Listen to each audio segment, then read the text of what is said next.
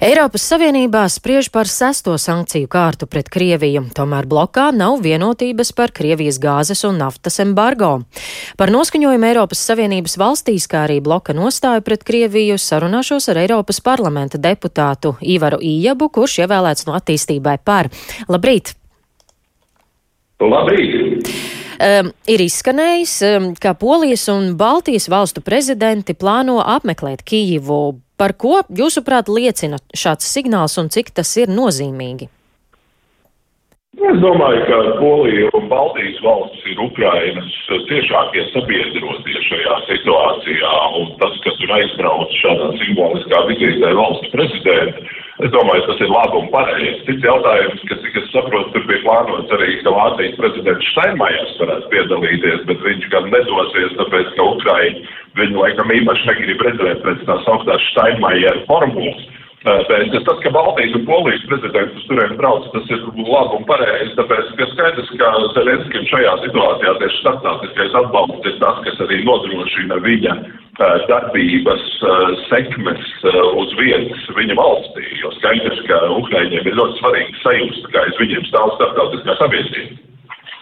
Uh, ko nozīmē tas, ka Zelenskis atteicās uzņemt uh, Kijevā Vācijas prezidentu? Vai tas varētu liecināt, ka mm, rodas tāda kā plaisa šajā Eiropas vienotajā nostājā? Es domāju, ka tā ir netik daudz klājas. Eiropas vienotā nostājā, cik daudz noteikti ir tā lūgums Steinmeieru kungam ar šādām simboliskām vizītēm piebremzēs, tāpēc, ka viņš tiek uzskatīts par, nu, teiksim tā, neteiksim Krievijas simpatizantu, bet, nu, par cilvēku, kurš ir būtams dažādos amatos, tā skaitā Vācijas ārlietu ministrs ir dažādos veidos sekmējis uh, Krievijas intereses, kaut vai ar to pašu Nord Stream 2 projektu, kuru viņš uzturēja ļoti ilgi augstu savā dienas kārtībā. No viņam bija arī zināma loma tajā uh, saucamajā Mīnskas procesā saistībā ar uh, to Donbass jo tur bija tā sauktā Steinmeiera formula, eh, kura bija arī lielā mērā Ukrainā uztvērta kā, nu, teiksim tā, nepārāk draudzīga viņiem un krietni draudzīgāk Kremlim. Eh, šajā ziņā iespējams, nu, kā saka, gan jau, ka Steinmeiera kungs Dievs dod varēs aizbraukt uz Kijevu mierīgākos laikos. Mm. Sākoties karam Ukrainā, Eiropa savā nostājā nosodījumā bija diezgan vienota arī savos paziņojumos.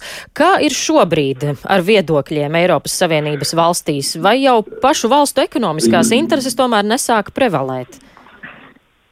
Ziniet, ar katru Krievijas armijas zvērību, kuru viņi īsteno Ukrainā, tā Eiropas Savienības vienotība patiesībā pieaug.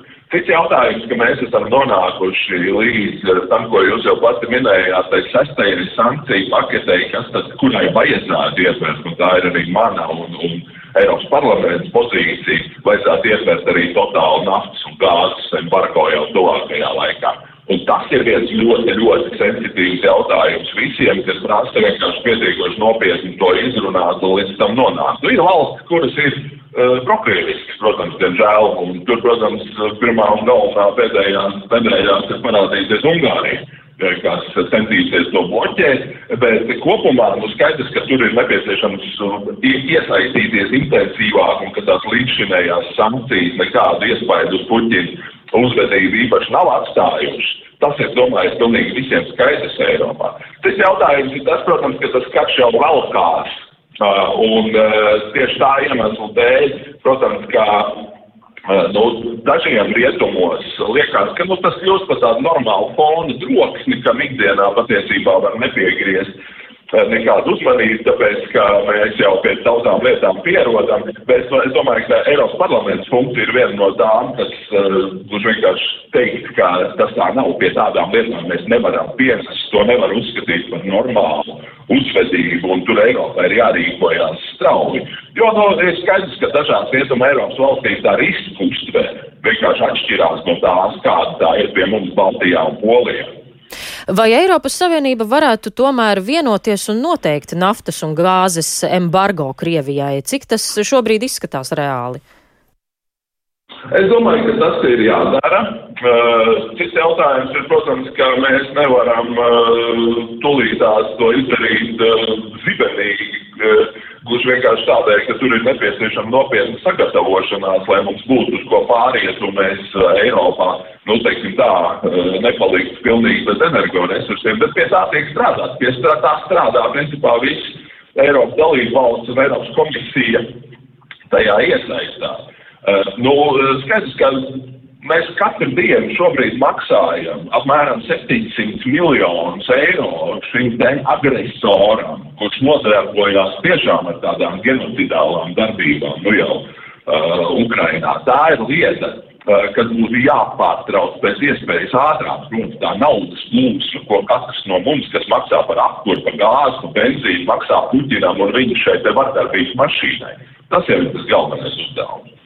Jā, un arī Ukraina vienlaikus aizvien, tāpat kā sākoties karam, tā arī šobrīd prasa vēl munīcijus, arī vēl ieročus un stingrākas sankcijas eh, pret Krieviju.